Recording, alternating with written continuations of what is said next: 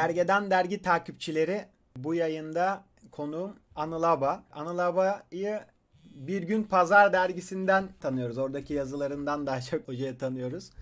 Ee, hocamız Kadir Has Üniversitesi'nde ekonomi bölümünde öğretim üyesi. Orada ekonomi dersleri veriyor. Bugün de çok güzel bir konumuz var. Neoliberalizm üzerine konuşacağız.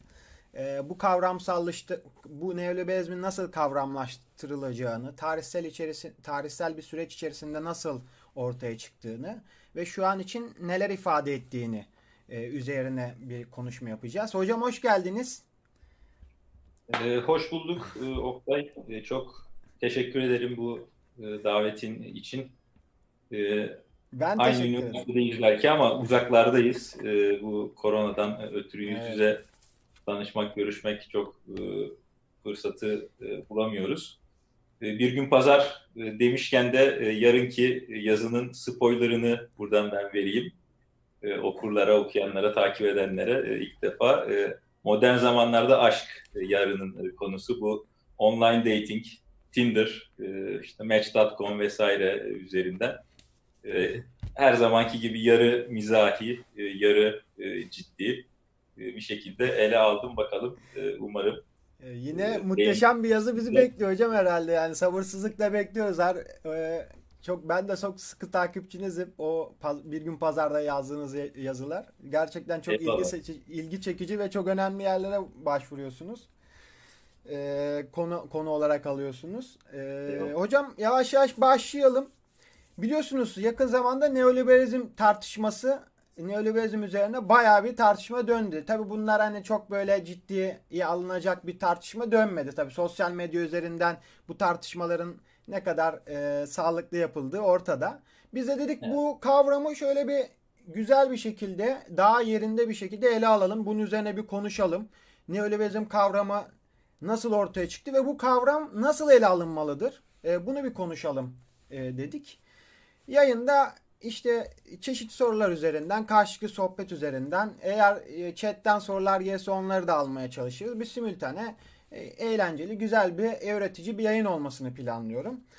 Hocam neoliberalizm nedir? Yani bu kavramı biz nasıl ele almalıyız? Yani neoliberalizm dediğimiz şey, olgu nasıl ortaya çıktı? Yani ben yakın zamanda e, bir yerde okumuştum. E, bir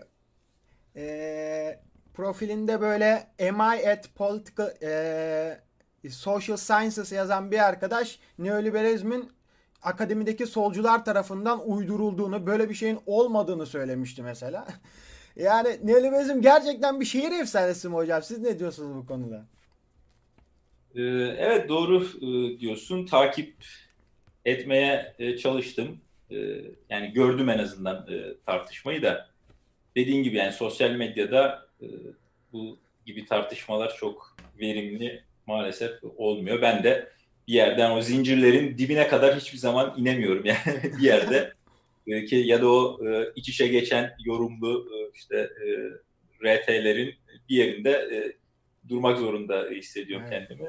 E, yani sosyal medyada sana da aslında ara ara e, söylüyorum. Başka arkadaşlara da öğrencilere de sosyal medyada tartışılmaz. Kesinlikle. Sosyal öyle. medyada en fazla e, fikrini beyan edersin çekilirsin hani bu kadar. Ee, yoksa yani tartışılır tabii tartışılıyor zaten de işte bu oluyor yani hani çok evet. gayet e, bayağı e, üçüncü e, yorumdan sonra kılıçlar çekiliyor böyle seviyesiz bir tartışma haline evet, geliyor. Evet. O yüzden ben de kaçınıyorum. Böyle bir iki kere çok nadir o şeye tuzağa düşmüşlüğüm vardır. Özellikle böyle dikkat ediyorum. Bazen diyorum yaşla alakalı hani daha genç arkadaşlar daha hızlı oluyor da yok yani böyle akranlarımda da e, görüyorum böyle yaldır yaldır e, gidenleri. E, velhasıl şey e, çok e, keyif aldığım bir ortam değil yani. Ben de koronada zaten düşmüş bulundum şeye e, Twitter'a. E, yeni e, üyesiyim Twitter'ın. Sadece Facebook vardı böyle dedelerle, dayılarla, teyzemlerle takılıyorduk orada. E, bugün de zaten bir yine e, şey e, döndü bu deprem e, üzerinden. Evet yine üçüncü tweetten sonra işte e, saçma sapan bir noktaya geldi. E, ama evet e, konuyu takip ettim. E, aslında kısmen haklı. yani bu neoliberalizmi solcular daha çok tabii kullanıyor en azından kavram olarak. Yanlış hatırlamıyorsam da John Williamson mıydı? Pardon o Washington konsensusu coin eden adamdı. Neyse. Şehir efsanesi mi peki bu neoliberalizm? Şimdi liseliler bilmez. Belki 90'larda bir film vardı. Brian Singer'ın bu X-Men'i çeken e, elemanın e, Kevin Spacey'nin oynadığı Usual Suspects e, diye e, olan şüpheliler diye izlememiş olan e, genç arkadaşlara çok e, tavsiye ederim. İyi filmdir. E, orada bu Kaiser Soze e, diye e, mafyatik e, bir e, karakterden e, bahsedilir. Yarı Türk, yarı e, Macar ve e, oradaki ana karakter Verbal Kint e, soruşturma e, sahnesinde e, şöyle bir ifade kullanır e, dedektife.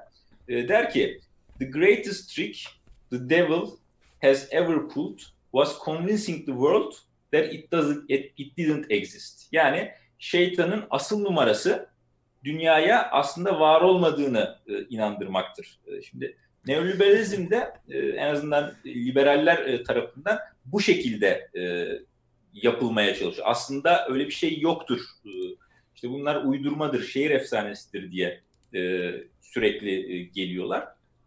E, tabii değil. Yani hani bunun bir e, öncesi var, sonrası var, e, farklılıkları var dönemsel e, olarak işte. E, onlara bakacağız zaten. Hani gökten zembille de inmiş bir şey değil. Şehir efsanesi de değil. Ama hani nasıl peki geldik? Nedir bu neoliberalizm ve nereye gidiyor?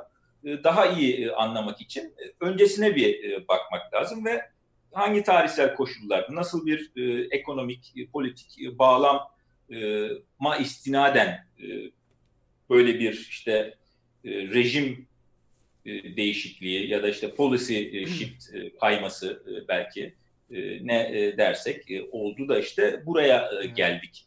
Ona bakmak lazım. O yüzden hani bir iki dönem belki çok fazla değil ilkel komünel toplumlara kadar değil. Ama bir iki dönem öncesine gitmekte e, fayda var. E, kırılma e, noktası da tabii ki 1929 büyük buhranı. İşte ondan önce bir kükreyen 20'ler vardır. Yine Amerikan ve dünya ekonomisinde, borsalarında işte balonların şiştiği, emlak piyasalarında vesaire. Onun sonucu, onun patlaması büyük buhran e, olarak e, gerçekleşti ve büyük buhran e, dediğimiz bu büyük, uzun, e, feci e, kriz herhangi bir e, kriz e, değildi. Yani kapitalizmde böyle 2-3 yılda bir çıkan her ülkenin aşağı yukarı 2-3 yılda bir e, tecrübe ettiği kısa süren böyle iki çeyrek, işte üç hmm. çeyrek e, ekonomik e, yayılma etkisinin dar olduğu ıı, sıradan yani zırt pırt ıı, yakalandığımız krizler vardır. İşte bir 8-10 senede bir çıkan biraz daha böyle orta halli krizler vardır. Bir de 30-40 senede bir çıkan sistemik çöküntüler vardır. Büyük buhran öyle bir krizdi. Hani yakın tarihin 100-200 yıllık tarihin en büyük kriziydi. Tüm dünya Amerika'da başlayıp dünyaya yayılan Gayri safi yurt içi hasılarda, hasılalarda çok büyük e, gerilemeler e, yaşandı. Efendime söyleyeyim işsizlik oranlarında çok yüksek, çok hızlı artışlar e, görüldü. Amerika'da resmi rakamlara göre yüzde 25 lere vardı bu işsizlik e, o yıl. E, gayri resmi rakamlara göre yüzde 40. Bazı eyaletlerde e, yüzde 60 e, oranında yani iki kişiden birinin neredeyse e, işsiz olduğu. E, işte Amerika'nın böyle remote e, kasabalarında, e, köylerinde insanların birbirlerini yediklerinin e, rivayet edildiği, işte otele, motele kalmaya giden insanlara, oda isteyen resepsiyonda insanlara uyumak için mi yoksa camdan atlamak için mi diye espriler yapıldı. Elinizde tuttuğunuz her Goldman Sachs hissesi için bir tabanca bedava kendinizi vurmanız için falan diye böyle e, kara e, şakaların yapıldığı e, korkunç bir e, krizdi e, 1929 krizi buhranı. Çok uzun yıllar e, sürdü. Çok uzun yıllar sürmesinin bir sebebi de piyasalara olan inançtı. Yani evet. en nihayetinde o dönemki paradigma işte serbest piyasa her şeyi çözer. Devlet müdahale etmesin, karışmasın. Piyasalar, fiyatlar dengeye gelir. İşsizlik diye bir şey zaten ana akım iktisat teorisinde olmayan bir şey. Involuntary işsizlik yani işsizlik dediğin voluntary'dir. Evet. Bu işte Lucas'ların, Sergeant'ların vesaire yani onlara göre e, Great Depression, e, Great Vacation'dı yani. E, kendi rızasıyla. yani o fiyatlara çalışmak istemeyen insanlar diye bakılır literatürde. Zaten bak özellikle sen de doktora derslerinde okuyacaksındır yani o modelleri, onların makalelerini. İşsizlik demezler zaten. Yani unemployment terimini kullanmaktan kaçınırlar. Şey derler, leisure derler. Leisure evet. Yani, Leisure Çünkü ya leisure yaparsın ya work yaparsın ya çalışırsın ya e, keyif çatarsın. E, arasında unemployment diye bir şey e, yoktur. Öyle bir dönemdi. Nasıl peki aşıldı bu? Yine en nihayetinde döndüler, dolaştılar. Devletin müdahalesine geldiler. İşte Keynes'in o dönemki çalışmaları ki herhalde 20. yüzyılın hani beğeniriz beğenmeyiz. Evet kabul etmek gerekiyor ki en etkili yani yazdıklarıyla, makaleleri, makaleleriyle siyasi, e, ekonomi politiği, toplumsal hayatı, ekonomik hayatı en fazla etkileyen e, iktisatçısıdır e, Keynes. Kesinlikle. Onun vesilesiyle bu Keynesyen politikalar yani aktif maliye politikası, aktif para politikası, harcamalar, askeri harcamalar değil mi o dönem? ikinci Dünya Savaşı'na zaten dünyayı bir bakıma götüren e, işte e, para e, politikası, genişleyici para politikası bu şekilde büyük buhrandan çıkıldı ve Keynes yüksek işsizliğin özünde bir denge olabileceğini söyledi. Yani ana akımda yüksek işsizlik denge olamaz. Ücretler düşer, dengeye doğru yakınsarsın. Ama orada uzun yıllar e, kalabildiğini e, evet. Great şey General Theory kitabında göstermişti Keynes. E, ve oradan da çıkardığı politika önerileriyle devletlerin, kamunun yaptığı harcamalar, işte para politikasıyla o talep eksikliğini, işte talep yanlı iktisat denen hikaye, o talep eksikliğini kapatarak yatırımları e, ve harcamaları e, tetikleyip e, ekonomiyi işte normal seyrine çekebileceğini anlattı ve bunu bu da pratiğe döküldü. Ancak o şekilde büyük buhrandan çıkılabilmişti. Zaten hocam bu politikalar zaten tabii orada bir şey de var yani iki, iki, iki, iki savaş arası bir dönem orası zaten. Ee, daha sonra hani o Keynesyen politikalarla da hani çok orada da ciddi bir literatür var. Tam anlamıyla da e, kapitalizmin dünya çapındaki o krizin aşılamadığını daha sonra 2. Dünya Savaşı'nı ortaya çıkardığını aslında genel olarak Keynesyen politikaların daha yaygın bir şekilde uygulandığı dönemin aslında 50 sonrasında olduğunu ve o Golden Age dediğimiz döneminde o zaman ortaya çıktığı söylenir. Tabi orada kapitalizmin dünya ölçeğinde genişlemesi de çok e, açık ve net orada. Yani Avrupa e, savaş sonrası tamamen yıkılmış Avrupa'nın yeniden inşası gibi.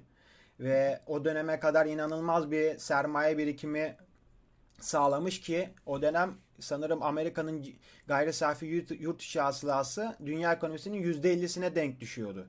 Onun ihracının da olduğu dönem özellikle o Marshall Aid kapsamında zaten bize de Avrupa'nın yeniden inşası kapsamında tarım politikaları ve tarım ee, şeyleri politikaları şey verildi. E, vizyon olarak verildi verilmişti o dönem. Daha sonra tabii 50'den sonra kapitalizm bir boom dediğimiz inanılmaz bir genişleme dönemine giriyor. E, bu dönemde tabii e, birçok etken var. E, dediğimiz gibi e, Amerika'daki o sermayenin Avrupa ve uzak piyasalarda piyasalara doğru açılması ve bütün dünyada karşılık bulması ve teknolojik ilerleme de tabii çok e, bur burada çok kuvvetli. İşte o tipik anlamda Fordist üretimin e, yerini post Fordist üretim tarzına bırakması, üretim teknolojilerinde e, farklı seviyelere ölçeğin daha da arttıracak, emek verimliliğini daha da arttıracak bir döneme geçildi. e, bu İkinci Dünya Savaşı sonrasında ve bu süreç içerisinde tabii çok ciddi de bir e, emekçi sınıfların çok ciddi bir şekilde de bir kazanımı var. Tabii muhteşem de bir şey de var. E, sendikal mücadele var. Bunlar işte karşı taraftaki sermayeden a, koparabildiğini koparıyor tabii o dönemlerde. E, tabii bunun karşılığında da kar oranları yine çok belirleyici bir hal alıyor bu dönemde. Bilirsiniz o kar denklemini yani kar, kar oranlarının uzun dönemdeki seyrini e, baktığımız zaman o Enver Şayk'ın kitabında şimdi e, takipçiler de ekranda görecektir. Uzun dönemde sürekli bir düşüş halinde ve bu düşüşün en keskin yani en net olduğu döneminde özellikle 70'ler 70 ile 80 arası olduğunu görüyoruz. Çok stabil bir şekilde e, çok net bir şekilde bir iniş var. Ki 80'de öyle bir şey oluyor ki ki gördüğünüz üzere ekranda iki, iki ayrı bir patika var. Alttaki kesikli patika burada counterfactual dediğimiz yani bu müdahalede bulunulmasaydı her şey seyrinde devam etseydi ne olurdu?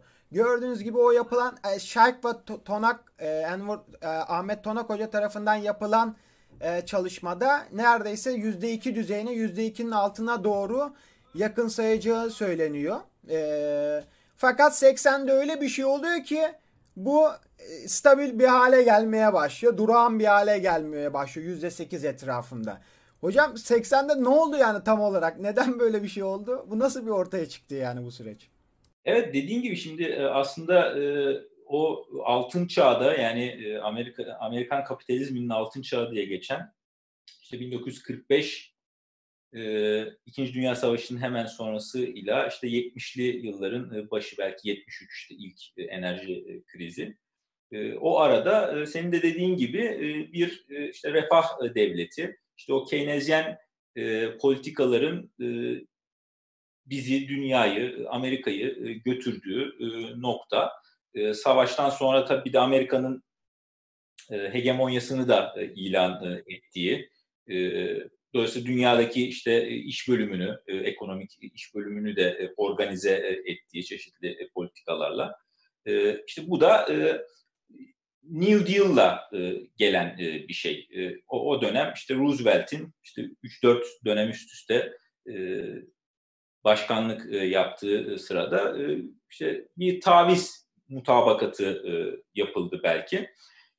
Yani aldılar işte Ford'u, Morgan'ı o dönem, işte Rockefeller gibi önde gelen burjuvazileri ve dediler ki hani Amerikan ekonomisi kapitalizmi çökme noktasında biz eğer işçi sınıfına bir takım tavizler verip talep yanlı tavizler verip bu ekonomiyi toparlamazsak onlar sizden zorla e, alacaklar, e, alabilirler. Yani bak işte Sovyetler Birliği'ne e, falan gibi ki o dönem yani 30'lu yıllarda e, buhran devam ederken e, sokaklarda We Want Soviet America diye e, afişlerle, dövizlerle e, yürüyüşler e, yapılıyor. Çünkü yani bir yandan küfrediyorlar, e, dalga geçiyorlar e, işte öteki tarafta Sovyetler Birliği'nde ama adamlar 20 sene sonra e, uzaya e, çıktılar e, bir yandan. Kendi, öte yandan da kendileri işte e, böyle bir e, feci e, durum yaşıyorlar. E, e, böyleyse biz de sosyalizm isteriz e, diye e, gelen de bir talep var. Onu bastırmak adına e, işte e, Amerika'nın da belki altın çağını başlatan işte bu gelişme, bu anlaşma, bu mutabakat yapıldı. Bir uyum işçi sınıfıyla kapitalist sınıf arasında bir anlaşma. E ne oldu bu anlaşmada? İşte işsizlik neredeyse sıfır seviyesine indi. Roosevelt'in evet. meşhur radyo konuşması vardır YouTube'da falan da arayınca bulabilirsiniz. E, halka seslenir ve şey der hani eğer iş bulamıyorsanız Amerikan vatandaşları e, iş bulamıyorsa e, bize gelin, devlete gelin hani biz size e, bir iş e, vereceğiz e, diye. Ve bunun sonucu gerçekten frictional e, işsizliği discount etti, edersek yüzde sıfır noktasında. Yani tarihte e, çok ender rastlanan yani neredeyse sosyalizm e, dedikleri yani sıfır işsizlik, e, vergilerin çok yüksek e, olduğu, en üst baremde ki vergi oranı o dönem yüzde 94. Ki Roosevelt yüzde yüz öneriyor. Yani yanlış hatırlamıyorsam da o dönemki en üst barem 200 bin dolar üssü o, o zamanın parasıyla. Dolayısıyla 200 binden 300 bin dolara çıktığınızda o 100 bin doların 94 bin doları devlete e, gidiyor. Yani müthiş bir e, müthiş yüksek bir e, vergi oranı. E, işte buna mukabil e, dediğin gibi işçilerin e, ücretleri e, yükseliyor. Sendikalaşmak kolaylaşıyor o haklar. E, dolayısıyla daha e, geniş işte emeklilik olsun, işte sigorta olsun, sağlık olsun e, vesaire bu gibi şeylerden e, yararlanabiliyorlar. E, akabinde daha eşit bir e, bölüşüm, e, sermaye sınıfıyla e, işçi e, sınıfı arasında. İşte o American Dream aslında American Dream orası yani hani 45'ten 70'e kadar e, geçen e, dönem. E, işte bu mass production yine o dönem e, patlayan işte ıvır zıvır e, ev malzemelerinin işte Fordist üretimle e, artık iyice ucuzladı. Radyoydu, elektrik süpürgesiydi. İşte bu door to door salesmenlerin kapı kapı dolaşıp e, bir evden çıkıp işte e, radyo herkese sattığı böyle evet. birkaç dolara elektrikli süpürge sattığı o şekilde işte zengin olup e, Rockefeller olacaklarını yani rüya o tabii olmadı ama hani öyle bir furya vardı. En azından geçinebiliyorlardı. İşte turneye çıkar gibi müzik grupları böyle karavanla Amerika'da eyaletler arası turneye çıkıp gezerler. E, o kapı kapı kapı dolaşan e, pazarlamacılar da böyle çıkıp e, bir iki ay sonra bir çember çizip başladıkları noktaya gelip işte küçük parayı büyük para haline getirerek hayatlarını sürdürüyorlardı. Sürdürebiliyorlardı en azından o dönem. Optimizm de vardı tabii geleceğe yönelik. Evet. Yani savaş bitmiş Amerika hegemonyasını ilan etmiş. İşte Soğuk Savaş öyle ya da böyle bir e, siyasi istikrar ortamı e, sağlıyor. Çok böyle kavga, dövüş, hırgür yok ülkeler arasında. Bu da bir optimizm yaratıyor. Hem e, vatandaşlar, hem işçiler, hem çalışanlar, hem yatırımcılar e, için. E, tüm bunların e, toplamında Amerika e, ve dünya aslında büyük oranda en yüksek büyüme oranlarını yani belki en eşit e, bölüşümün yapıldığı yıllar aynı zamanda en yüksek ekonomik büyüme oranlarına da e, tekabül ediyor. O da işte bu yine Menkib'in efficiency, e, equity trade-off'unu e, tersine e, çeviren e, evet. bir e, delil. E, fakat dediğin gibi 70'lere gelindiğinde e, işin rengi değişmeye başlıyor. E, işte bu Marksist kanat, Monthly Review ekolünü özellikle e, buna profit squeeze e, diye hani bir yandan e, yavaş yavaş bu doygunluk noktasına e, geliyor bu rejim ve e, kar hadlerinde bir azalma e, görülüyor evet. üstten. E, bir de alttan e, ücretler e, artıyor. Hem üstten karlar düşerken hem alttan evet. ücretler artarken e, o kar haddi işte sıkışıyor arada. Bir kar e, sıkışması denen profit squeeze'e e, tekabül ediyor. Ee, e, bir noktada e, ekonomi ek, ekonomik dinamizm e, kayboluyor e, ortadan evet. ve işte 70'li yıllarda e, iki yine büyük e, kriz e, bir yandan petrol fiyatlarının çok artması, enerji fiyatlarının çok artması e, bu arz e, tarafını vuruyor. Öteki e, taraftan işte yatırımlar e, azalıyor, talep e, tarafından da e, bir sıkıntı var. E, ama arzın e, azalmasıyla birlikte bu sefer o petrol artan petrol fiyatlarının ki böyle bir iki sene içinde 10 katına 13 katına falan çıkıyor evet. petrolün varil fiyatı.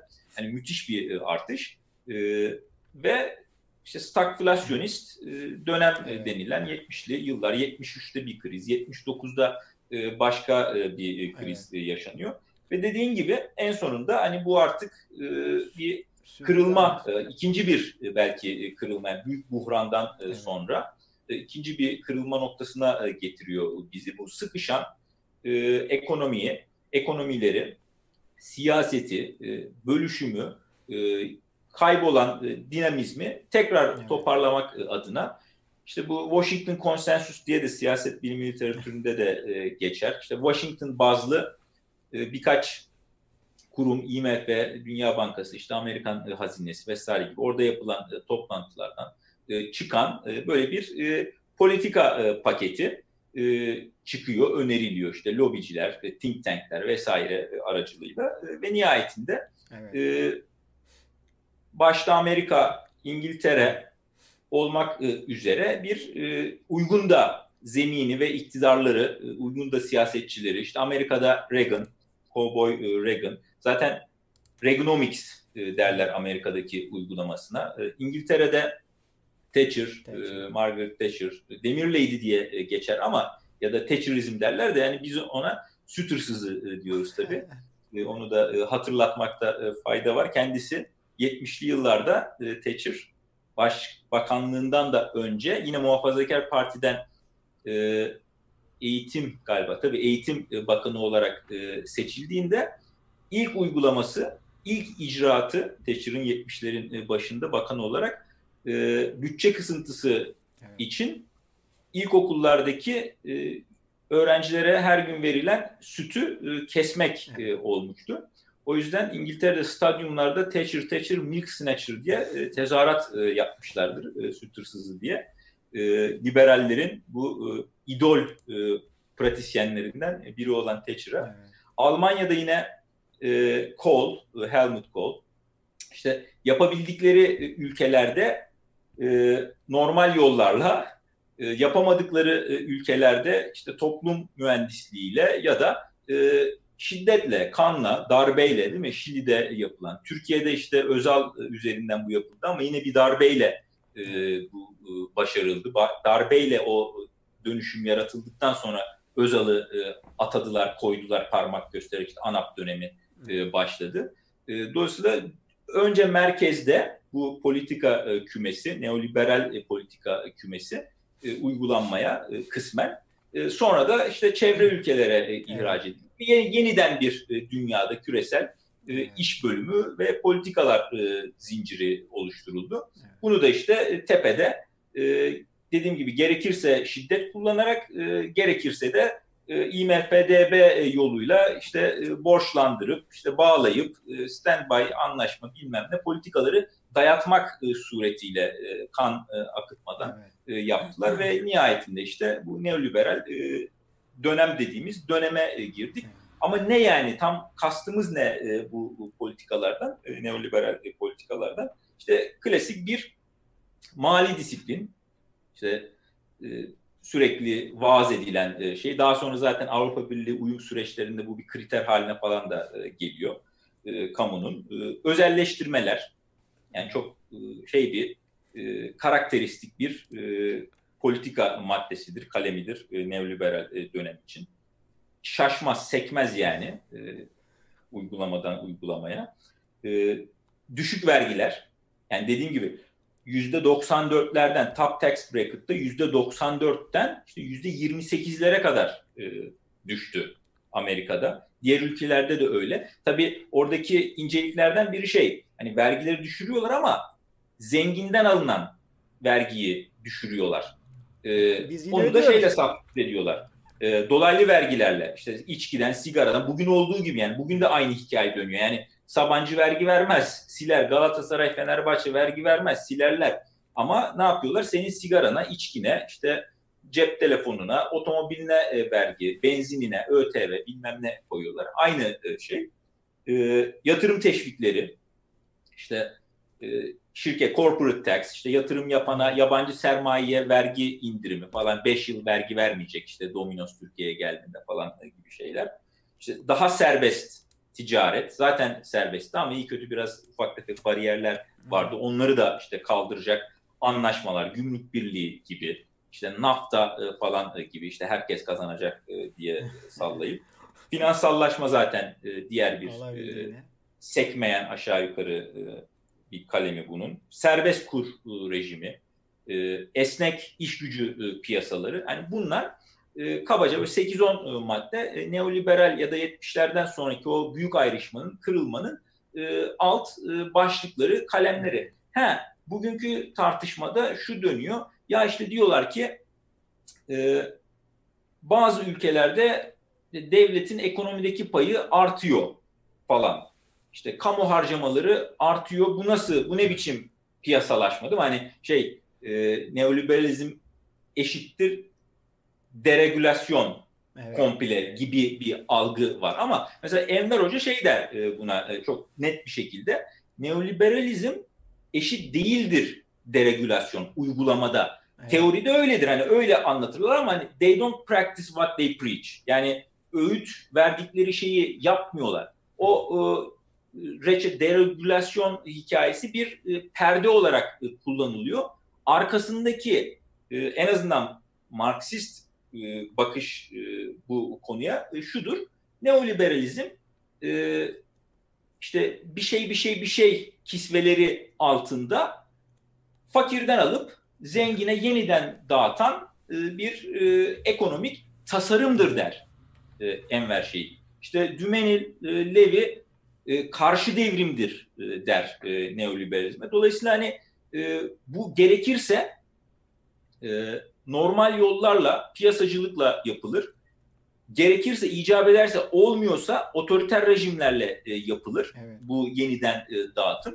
Ve gel, gelinen noktada e, son 10-15 yıldır biz görüyoruz ki dünyanın giderek daha fazla ülkesinde, daha fazla e, bir e, bölümünde e, otorite kullanmak, devlet e, erki e, kullanmak, e, bu yeniden dağıtımı e, sürdürebilmek e, için e, zorunlu hale geldi. O da tabii kafaları karıştırıyor. Yani bir yandan liberalizm, neoliberalizm, piyasa, işte regülasyon evet. vesaire ama öte yandan da devletler her yerde aşağı yukarı hiç olmadığı kadar aktif işte harcama yapıyorlar.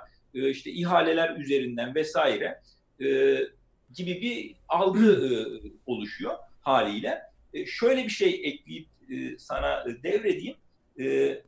Mesela yarın öbür gün seçim olacak Amerika'da. Ee, Amerika'ya baktığımızda, uzaktan baktığımızda şunu e, görürüz. Patriotik bir ülkedir. Böyle milliyetçi, vatansever bir ülkedir Amerika. Bayraklar, Amerikan bayrakları, Amerikancılık diye bir şey vardır. Amerikan ideolojisi e, diye bir şey vardır. Amerikan kapitalizmi vardır. E, dolayısıyla muhafazakardır Amerika insanı. İşte din önemli bir, hala önemli bir faktördür Amerika'da. Hala İncil'le işte girilir siyasi siyasete e, falan.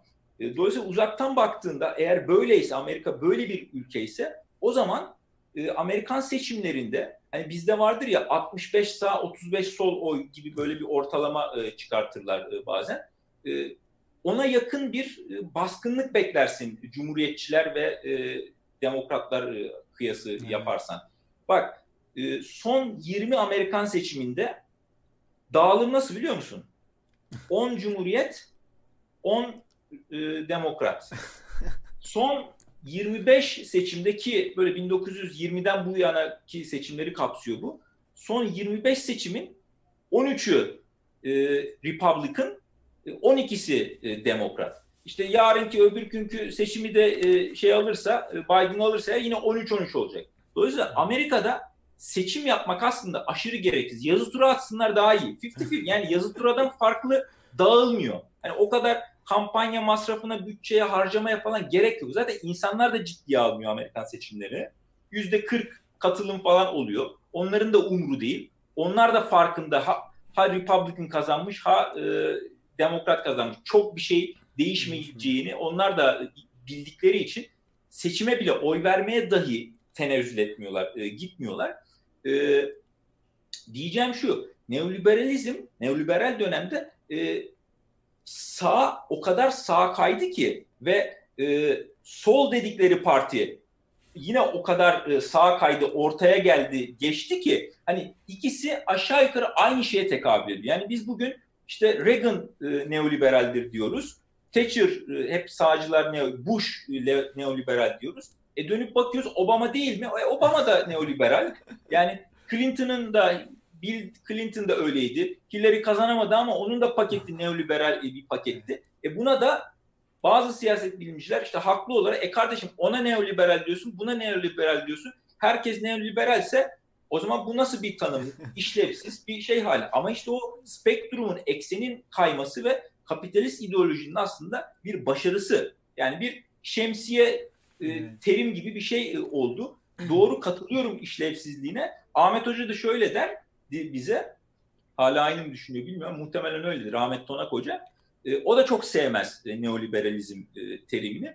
Kapitalizm der yani nihayetinde. kapitalizm bu. Hani bu kapitalizmi e, episodlara ayırmanın evet. bir manası yok. Hatta bizi siyasi mücadeleden, e, esas mücadeleden e, saptıran e, bir şeydir. E, asıl olan bunun altındaki işte e, evet. e, sınıf e, dinamikleridir. Nihayetinde de neoliberal fazın, episodun işte adı zaten adının ne olduğu hiç önemli değil. Yani ben sonuca bakarım. Yani e, Erdoğan'ın ben politikalarına bakarım. Obama'nın politikalarına bakarım. Adını ister neoliberalizm koyun, ister bir şey koyun, ister koymayın. Önceki dönemden istatistik bir takım farklılıklar var. Ama evet. asıl olan bir bölüşüm problemidir ve e, temel dinamiği de e, sınıftır bunun. Evet. E, gerisi tali. O yüzden çok kıymetli de bulmuyorum yani bu Twitter'daki e, tartışmaları da.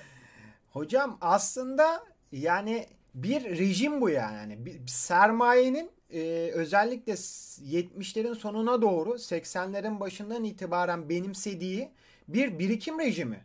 Aslında buradaki tartışmanın anlaşmamazlığın nedeni de şuradan kaynaklanıyor bence.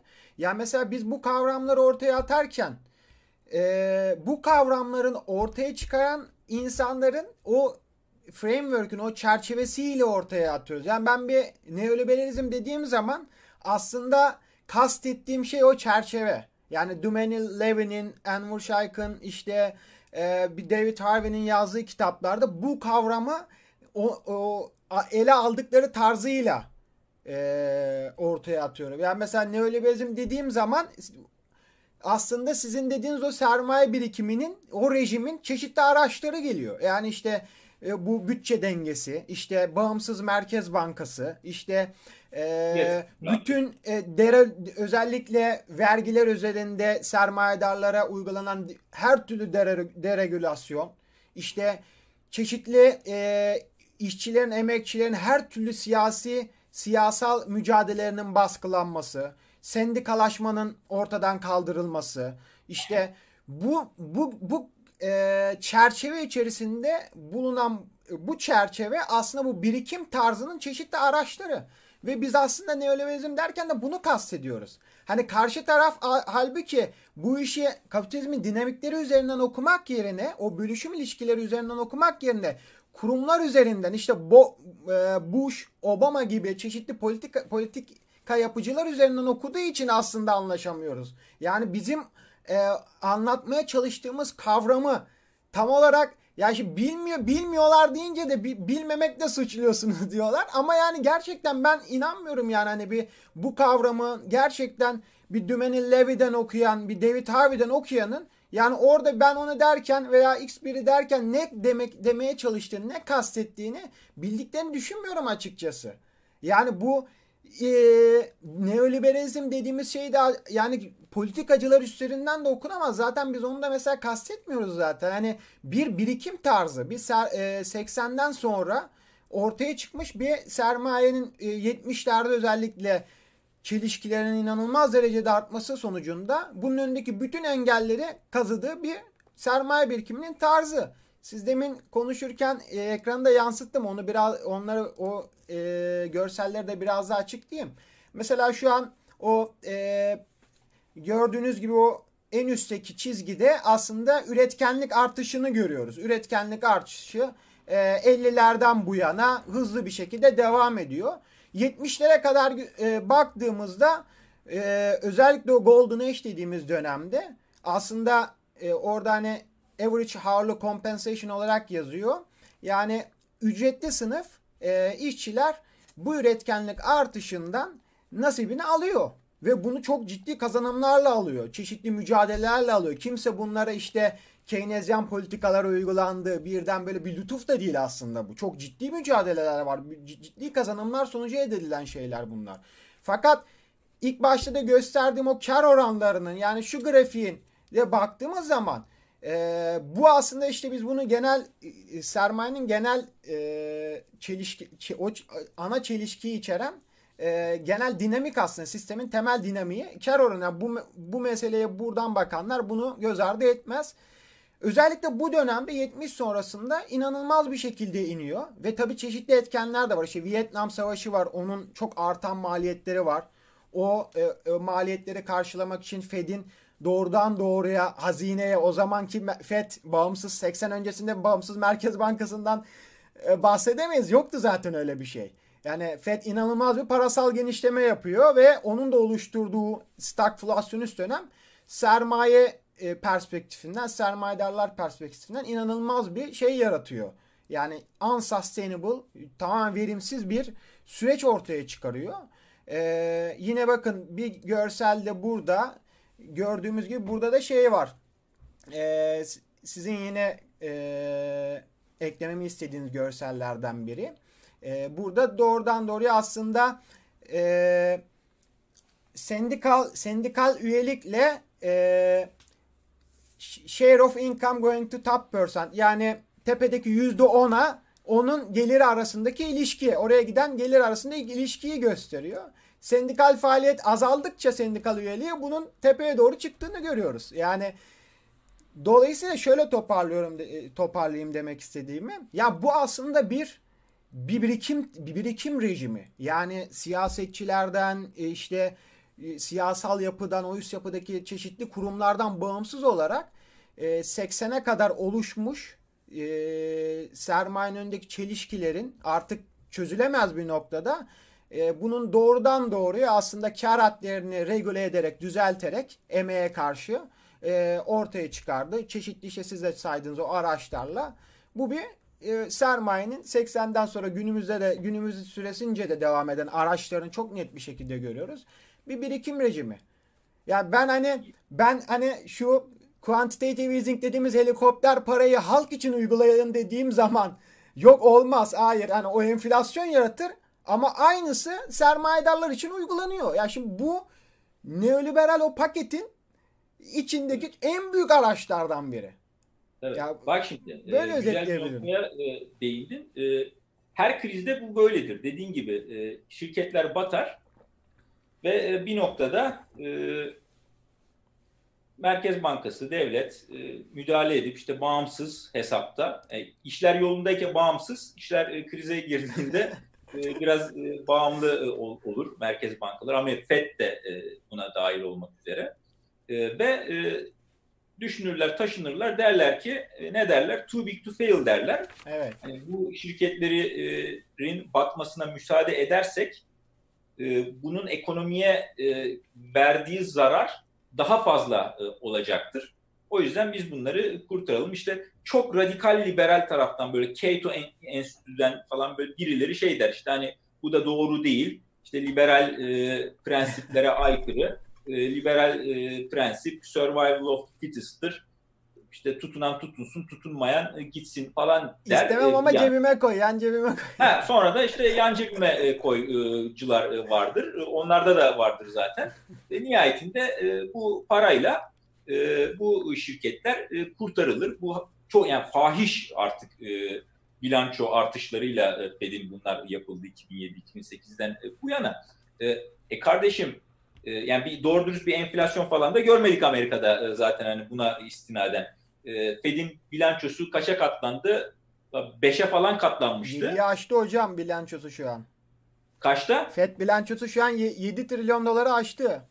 7 trilyon. İşte bak o zamanlar 800 e, milyardı. Yani evet. neredeyse 10 katına 10 senede 8-10 e, katına kadar e, çıkmış. Hani öyle bir enflasyon e, quantitative theory of money'e göre koyarsan evet. var mı? Yok.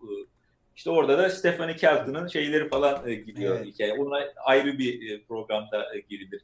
Şimdi dallanıp budaklanmasın. Ama dediğin gibi eğer bu para ile bu şirketler finans piyasaları vesaire destekleniyorsa e, şişiriliyorsa, bankalar, sigorta şirketleri kurtarılıyorsa neden e, para basıp ücretsiz eğitim, ücretsiz sağlık verilmiyor değil mi? Bak şimdi dedim ya 10-10 dağılır son 20 seçim Amerika'da 10 cumhuriyetçi 10 demokrat dağılır.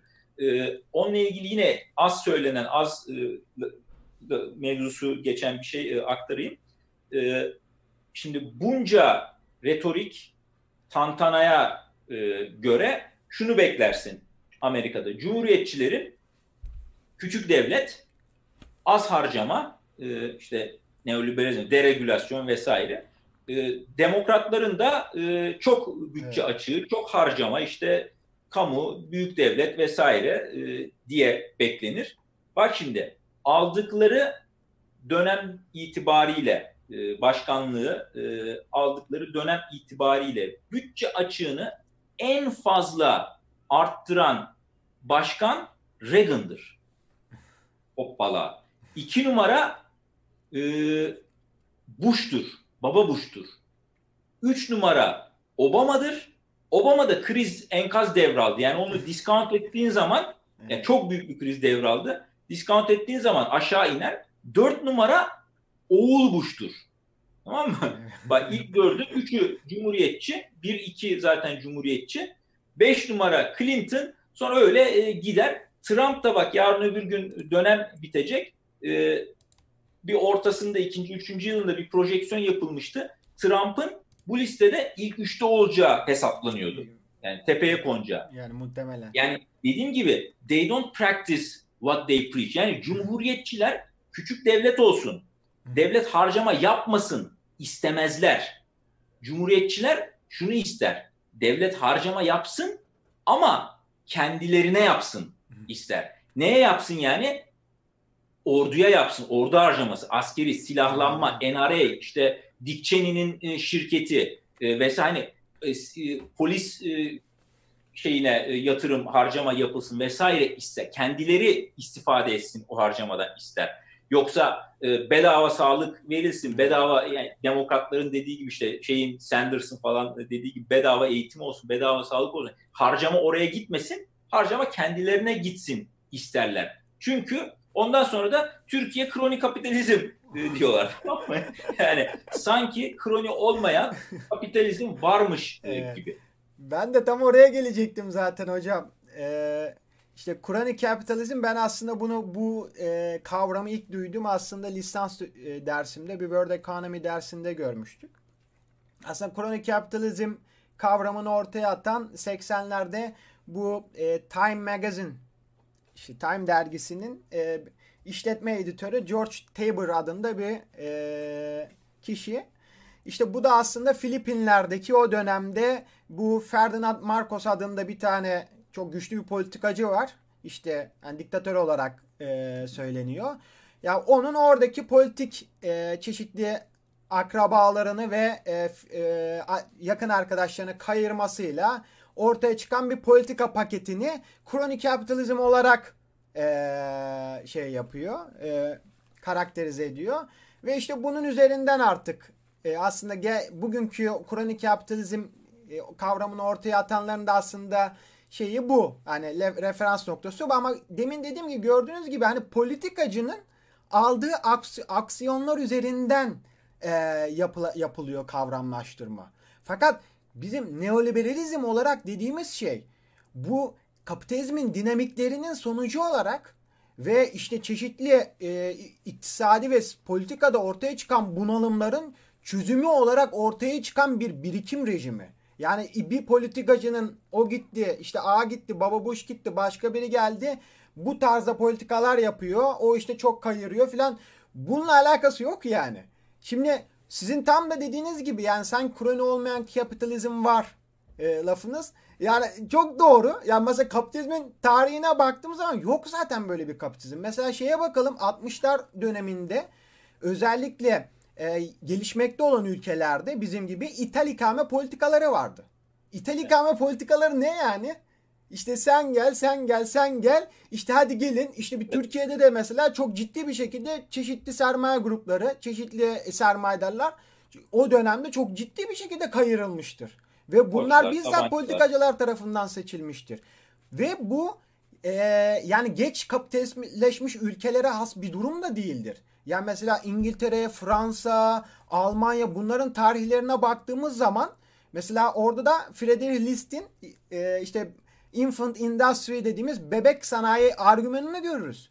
Ya yani mesela işte e, Özgür Hoca ile de geçen derste e, işte konuşurken tartış, tartışırken o bahsetmişti. Yani işte bu şeyi konuşuyorduk. İşte endüstri devriminin hızlanması sonucunda işte bir pazar arayışının dünya çapında artması. İngiltere'nin işte direkt el attığı yerlerden biri Hindistan. Hindistan'da işte İngiltere'nin çok ciddi bir pamuk sanayisi var. Bunun en büyük rakibi dünya piyasalarında orada. Hindistan. Hindistan'da da ne yapıyor? Kendi sermayedarlarını o andaki oradaki e, yapıyı korumak için Hindistanlı işte çalışanların parmaklarını kırıyor. Ya tamam siz şimdi buna bu insanlık tarihi için çok inanılmaz bir adımdı. Yani bunu da göz ardı edebiliriz. Böyle bir şey olabilir derseniz o ayrı bir şey. Ama yani bütün ülkelerin gelişmiş ülkelerin tarihlerine baktığımız zaman İngiltere'ye, Fransa'ya, işte daha sonra evet, kısmen geç e, geç kapitalistleşen İtalya'ya, işte e, Almanya'ya baktığımız zaman bunların hepsini görürüz. Yani bu böyle zaten yani hani kapitalizmin e, kendisi bu Nasıl zaten. Bu? Kapitalizm dediğimiz e, üretim tarzı özelde firma bazında, firma ölçeğinde, e, mikroda örgütlenir ve ulus devletin e, onu zaten bir önceki programda da konuşmuştuk. Ulus devlet ile sermayedarlar, o ulusun içerisindeki lokal firmalar çok ciddi bir ilişki içerisindedir.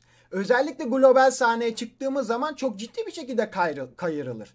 Yani bugün mesela işte Amerika'daki o anlattığınız lobicilik faaliyetleri. Yani bugün mesela Trump işte Huawei'ye yapılan şeyler. işte Apple'ın daha çok kullanması. işte 10 yılda e, SpaceX gibi bir şirketin ortaya çıkması yani. Bu öyle kolay kolay öyle hani piyasanın dinamikleri içerisinde, rekabet içerisinde ortaya çıkan bir şey değil yani. Bunun tarihine baktığımız zaman çok açık bir şekilde görebiliriz. Yani siyasetçilerin arkasında da hocam yani mesela Bolsonaro'nun arkasında e, çok ciddi petrokimya endüstrilerinin olduğunu görüyoruz. Desteklediğini görüyoruz. Trump'ın zaten Amerika'da zaten bu çok açık bir şekilde.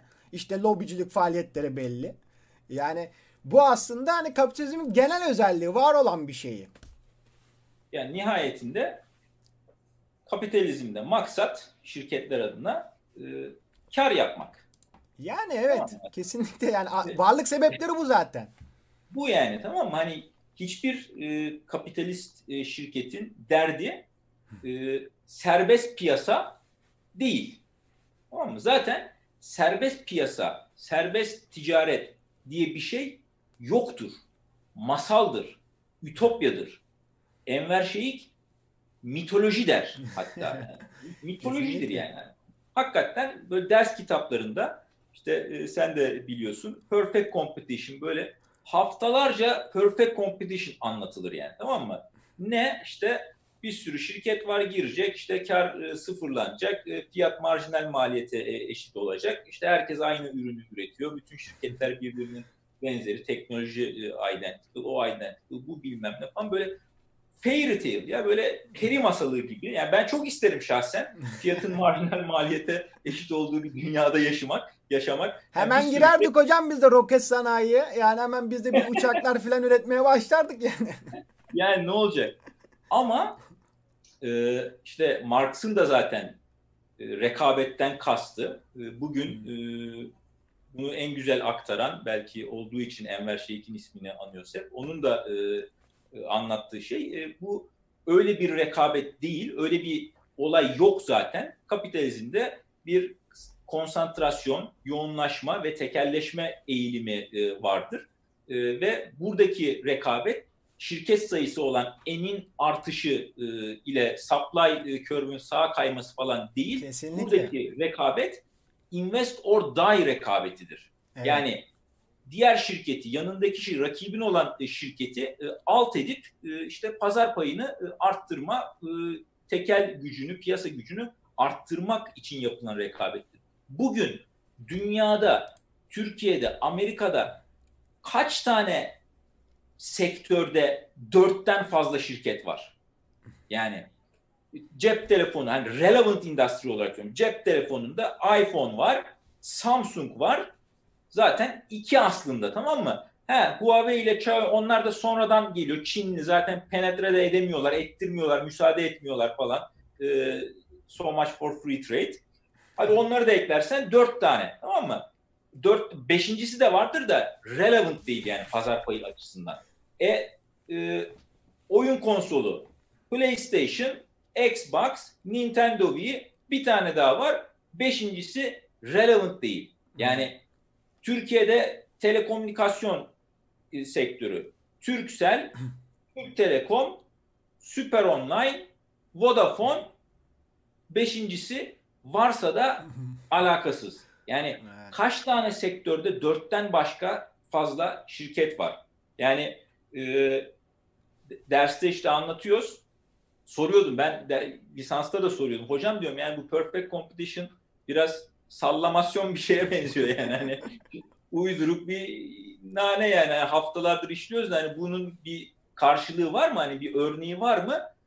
Var diyor. Ne diyor? Çivi diyor. Çivi diyor yani bir, bir sürü üretici var. Jenerik ürün, işte aynı teknoloji, işte e, falan böyle. Başka diyor, işte diyor buğday diyor. Bize bir hoca gelmişti. Zaten doktora da sunuma. O da ya e, derste diyor anlatıyorum. Her derste diyor fix bir öğrenci sorar. Yani hocam bu perfect competition biraz yalan galiba yani minvalinde. Bunun bir örneği var mı? Çivi diyorum diyor bir. Çivi. Sonra başka var mı diyor biri soruyor. İşte buğday diyorum diyor iki.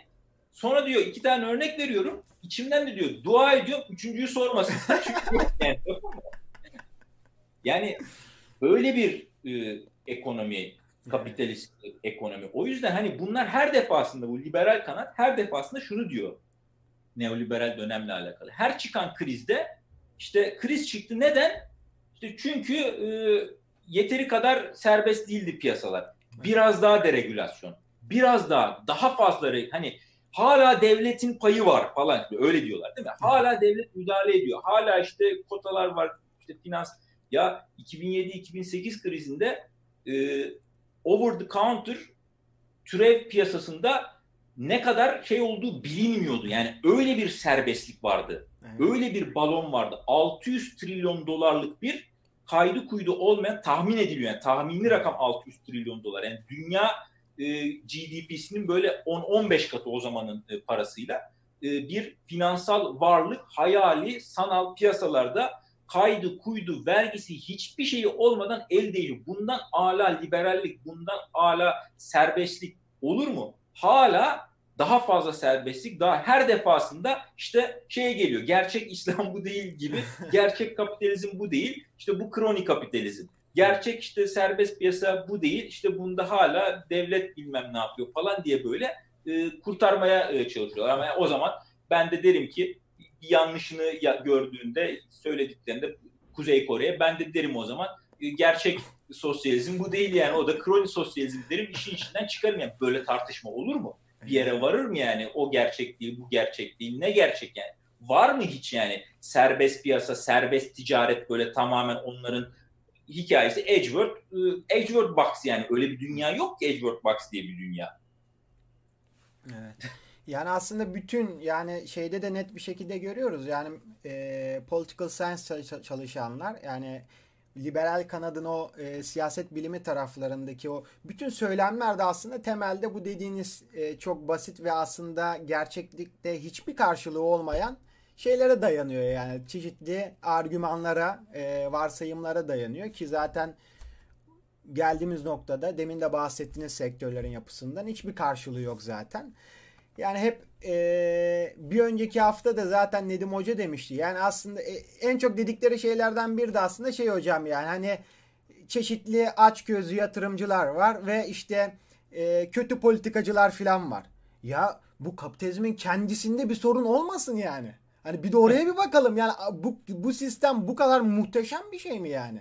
Hani akılda hayal edilenle var olanın arasında çok ciddi bir fark var. Aslında temel yaklaşım farkı da yani bir tarafın doğrudan doğruya oradaki dinamikleri anlamaya çalıştığını, diğer tarafında tamamen hayali bir dünyaya odaklandığını görüyoruz. Aslında bir, bir konuş tartışmanın ortalarında bahsettiğim şey oydu. Yani ben aslında doğrudan doğruya neoliberalizm rejimini anlamak için kapitalizm dinamiğini anlamaya çalışıyorum. Kar oranlarına bakıyorum, sendikalaşmaya bakıyorum. Ücretlerin gayri safi yurt içi hasıladan aldığı paya, karların aldığı paya bakıyorum. Doğrudan doğruya dinamiklere bakıyorum. E diğer taraf işte kapitalizm zaten mükemmel hani bir perfect bir kapitalizm var. Ya bu Kur'an'ı kapitalizm işte buradaki e, politikacılar kötü filan diyor. Ya yak, ciddi bir yaklaşım fark var ve bu noktada da yani benim en beni en çok hayal kırıklığına uğratan şeylerden biri. Yani ben mesela e, biliyorsunuz yani standart bir iktisat eğitimi alan bir öğrenci zaten liberal iktisadı öğreniyor. Yani doktora düzeyine kadar öğreniyor hatta. Ya ben liberal o iktisadı dibine kadar öğrenirken işte dinamik denge modellerini işte bütün o şeyleri e, Leger teorileri işte 7-7 matriste o Modigliani'nin çizdiği şey hepsini yaparken aynı zamanda yani gidip Postkeynesian iktisat öğreniyorum, Marksist iktisat öğreniyorum, Ricardo'cu iktisadı öğreniyorum.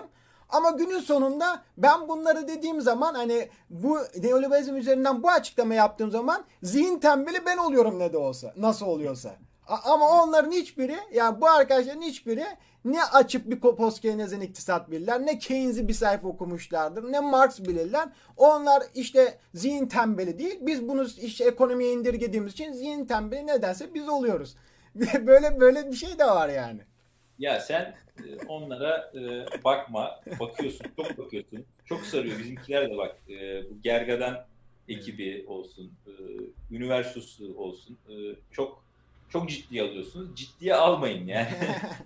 ciddiye alınacak bir tarafı yok. Bunu şey Peter Fraser, gerçi başka bir konu için söyler ama bu küresel ısınma hikayesi ve onun karşıtları var küresel ısınma karşıtları, climate change, iklim değişikliği e, reddedenler onlara karşı der. Yani artık iş öyle bir noktaya geldi ki e, bizim e, bu insanları küresel ısınma karşıtlarını hani tartışarak ikna etmeye çalışmamız verimli ve al, anlamlı olmaktan çıktı. Hani o yüzden boş vereceksin. Zaman geçiyor. E, mücadelene, kendi mücadelene, e, kendi çalışmana devam edeceksin. Onu alıp işte liberal e, kanada e, uygulayabiliriz. Yani liberallerle makul bir zeminde e, konuşmak, tartışmak, onları ikna etmek, ikna etmeye çalışmak anlamlı ve verimli olmaktan e, çıkalı çok oldu aslında. O yüzden e, hiç e, kafa yormaya, e, canını sıkmaya, e, canımızı sıkmaya e, gerek yok. Yani ben zaten sosyal medyada takip bile etmiyorum. Hmm. Tamam mı? Ettiklerim yanlışlıkla varsa da e, sessize falan alıyorum. Öyle bir e, şeyi var. E, bana düşmüyor ama yine düşüyor. Çünkü sizler işte e, paylaştığınız, beğendiğiniz, bilmem ne yaptığınız için oradan yine benim önüme düşüyor. O şekilde maruz kalıyorum. Yoksa mesela siz de e, şey yapmasanız, yani bizim e, cenah e, ilgilenmese aslında çok sinir, stres, gerginlik vesaire olmayacak. Bunlar e, bunlara zaten bu daktilo tayfaya benim bir hediyem de var. E, bugün bu bir soğan, bıçak. E, diktatörlüğümde yeniden eğitim kamplarında e, bu soğanla e, bıçağı kullanacaklar. E, bol bol kendilerine hediye ediyor olacağım. E, şaka bir yana e, Bertal Olman'ın bir lafı vardır. E, dediğinle alakalı olarak e, şey der restoranlar der, e, gıda endüstrisi işte bize eti hep şey diye satar. E, biftek, pirzola, e, işte parçalı ciğer e, falan gibi böyle hayvanın e, tamam mı parçalarını şimdi biftek deyince pirzola kafanda canlanmaz. Hani mikro bir departmanıdır yani. Halbuki inek yiyorsun tamam mı? yani şimdi böyle söyleyince daha farklı. Hani inek e, diye e, menüye yazsalar yediğin şey inek e, diye koysalar böyle bir kafan karışır yani tamam mı? Büyük resmi gösterdik ama hani biftek işte pirzola falan deyince kafanda canlanmıyor yani o büyük resim. Bu da bir el çabukluğudur aslında. Şeyde de vardır. İşte kapitalizm büyük resim, inek kapitalizm yani. E, ama inekte bir sorun yok, kapitalizmde bir sorun yok. İşte her krizde e, işte finansal kriz falan, işte bankacılık krizi falan. Yani kapitalizmle alakalı değil, bankacılıkla alakalı. Yani bankacılığı bir böyle ayarlasak, bir düzeltsek tamam sorun e, çözülecek. İşte e, borç krizi falan, işte döviz krizi falan. Yani dövizle ilgili böyle problem neyse onu çözdüğümüz zaman hani sorun kalmayacak böyle. Hep böyle o ineğin yani kapitalizmin mikro böyle bir yerlerine bir isim koyarlar. E, sorun orada e, sıradaki e, gelsin olur. İşte problem Bush olur, problem işte Erdoğan olur, problem işte Mitsotakis olur, problem işte bir Siriza olur falan. Hani e, kroni kapitalizm olur. Yeter ki yani o büyük e, resimde o ineği e, görmeyelim, ineğe e, bakmayalım.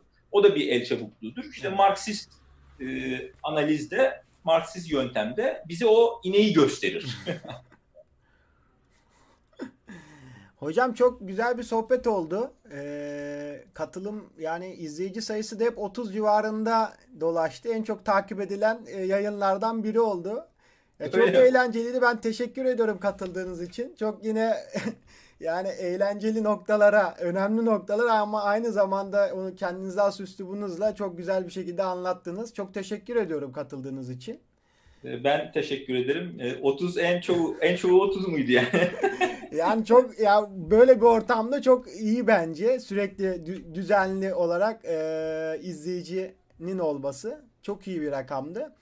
Çok keyifliydi. Arkadaşlara da teşekkür ediyorum. Bizi bu saate kadar cumartesi günü bu saate kadar e, takip eden herkese ayrı ayrı teşekkürlerimi sunuyorum. İlerleyen haftalarda daha başka isimlerle, e, önemli isimlerle diyeyim, e, webinarlara devam edeceğiz. Sağlıcakla kalın. E, kendinize çok dikkat edin. Herkese iyi akşamlar. İyi akşamlar. Görüşmek üzere. Hoşça kalın. Teşekkür ederim ben de Oktay.